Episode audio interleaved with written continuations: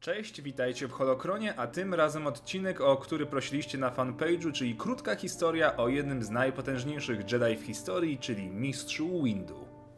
Postać Mace'a Windu w kanonie jest jak w przypadku wielu postaci ledwie liźnięta. Od pojawia się potężny, aczkolwiek charakterystyczny członek Rady Jedi, który wyraźnie kroczy swoją ścieżką i generalnie widać, że ma jakąś historię. Ale jak zawsze jej rozwinięciem musiał się zająć dział legend. Rok 72 przed bitwą o Yavin. Planeta Harun Kal, niebezpieczne siedlisko przemytników, biedoty, ale przede wszystkim morderczej dżungli, która spowija prawie całą planetę. Tylko najwytrwalsi przetrwają w odwiecznej walce z siłami natury. Z takich korzeni rodzi się ludzkie dziecko z rasy Korunai, w rodzinie czy też raczej klanie zwanym Windu. Gosh, czyli wędrowne plemienie górali, miały wyjątkowy i naturalny kontakt z mocą. Starszyzna zdecydowała, że malutki Mace musi zostać oddany do zakonu Jedi, zważywszy na fakt, że oboje jego rodziców zabiła już dżungla i jest sierotą. I tak też młody Mace znalazł się na Coruscant, gdzie rozpoczął naukę na ścieżce Jedi. Pierwsze lata Windu spędził pod nauką mistrza Jody, który zajmował się szkoleniem najmłodszych umysłów. W końcu osiągnął status padawana i przeszedł pod naukę mistrzyni Trasa. Jednak szczegóły treningu i konkretnych dat przejścia pod skrzydła nowego mistrza nie są znane. Windu już od najmłodszych lat przejawiał nietypową zdolność w postrzeganiu tzw. Tak punktów przełomu. Widział on moc w formie spalających się wiązek czy też ścieżek na wzór budowy kryształu i umiał dostrzec punkt, w którym będzie w stanie zaburzyć czy też zniszczyć cały układ.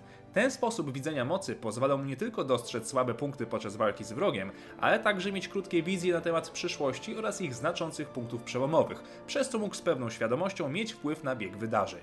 W jednej z wizji zresztą Mace zobaczył budowę swojego nietypowego miecza świetlnego. Mace dorastał i był prymusem w swojej klasie, jednak w wieku 14 lat wciąż nie potrafił skonstruować wspomnianego miecza, co przyciągnęło specjalną uwagę nauczycieli. Po wielu wizjach na temat konstrukcji miecza, Windu wystosował prośbę o specjalne zadanie, które umożliwi mu spełnienie swojej wizji. Misja miała polegać na udaniu się na planetę Hurricane w celu znalezienia odpowiedniego kryształu do miecza. Rada zaakceptowała prośbę, choć nie bez wahania. Na powierzchni Hurricane Windu zmierzył się z tamtejszymi mieszkańcami, jednak bez większych problemów odparł ich atak za pomocą mocy.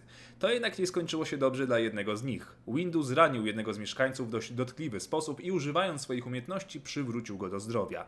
Ten uczynek miał swoją nagrodę, zarówno mentalną, jak i fizyczną, bowiem poza pozyskaniem cennej lekcji, Mace otrzymał również rzadki kryształ zwanym kryształem Hurricane. Dzięki jego właściwościom właściciel miecza potrafił doskonale rozpoznać słabości wroga. Owy kryształ jest zresztą dostępny w drugiej części gry serii Knights of the Old Republic.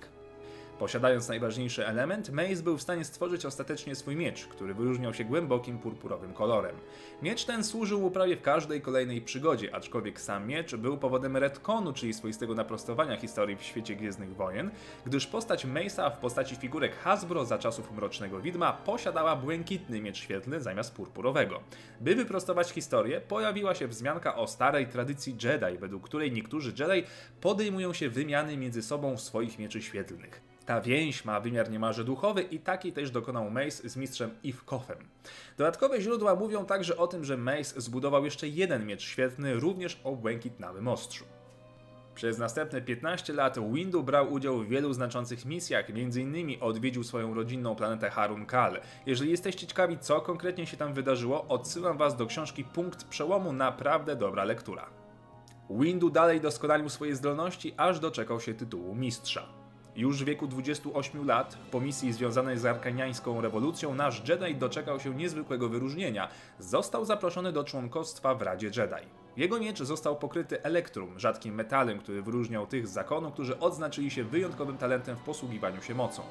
Niedługo później Windu otrzymał tytuł Wielkiego Mistrza Jedi oraz stał się drugim w kolejności przewodniczącym Rady Jedi zaraz po Mistrzu Jodzie.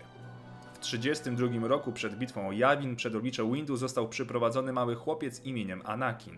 Już wtedy mistrz miał duże wątpliwości co do rzekomej przepowiedni odnośnie młodego talentu. Jak się miało okazać wiele lat później, jego obawy względem młodego Skywalkera nie były bezpodstawne. Podczas wojen klonów Windu był mimo wszystko przeciwny akcjom militarnym, jednak koniec końców osobiście brał w nich udział, będąc w randze generała. W drugim epizodzie możecie zresztą zaznać jego talentu w postaci ekspresowego pokonania jednego z najlepszych ówcześnie łowców nagród Django Fetta. Kilka ruchów i łowca został dekapitowany. W kolejnych latach Mace miał wiele ciekawych przygód, m.in. udział w takich akcjach jak Bitwa o Rylow, czy choćby sytuacja z kradzieżą holokronu oraz porwaniem Dzieci Mocy. Wszystkie te przygody poznacie w serialu Wojny Klonów z 2008 roku. Resztę historii Mistrza Windu raczej znacie, o ile oglądaliście filmy. Rosnące podejrzenia oraz nieufność odnośnie młodego Skywalkera, które wykiełkowały na bazie wojennych doświadczeń, po raz kolejny okazały się być słuszne. Anakin był punktem przełomu, który mistrz doskonale widział, jednak jawił się on jako rozwiązanie ogólnego problemu, a nie zwiastun zagłady. Po tym jak kanclerz Palpatine wyjawił swoją prawdziwą naturę, Mace wraz z trójką Jedi w postaci Kita Fisto, Ageny Kolara i Seasi Tina skonfrontował się z Sifem. Pojedynek przeżył tylko Windu, który zastosował swoją sztandarową umiejętność w postaci stylu Wapat i ostatecznie pokonał przeciwnika.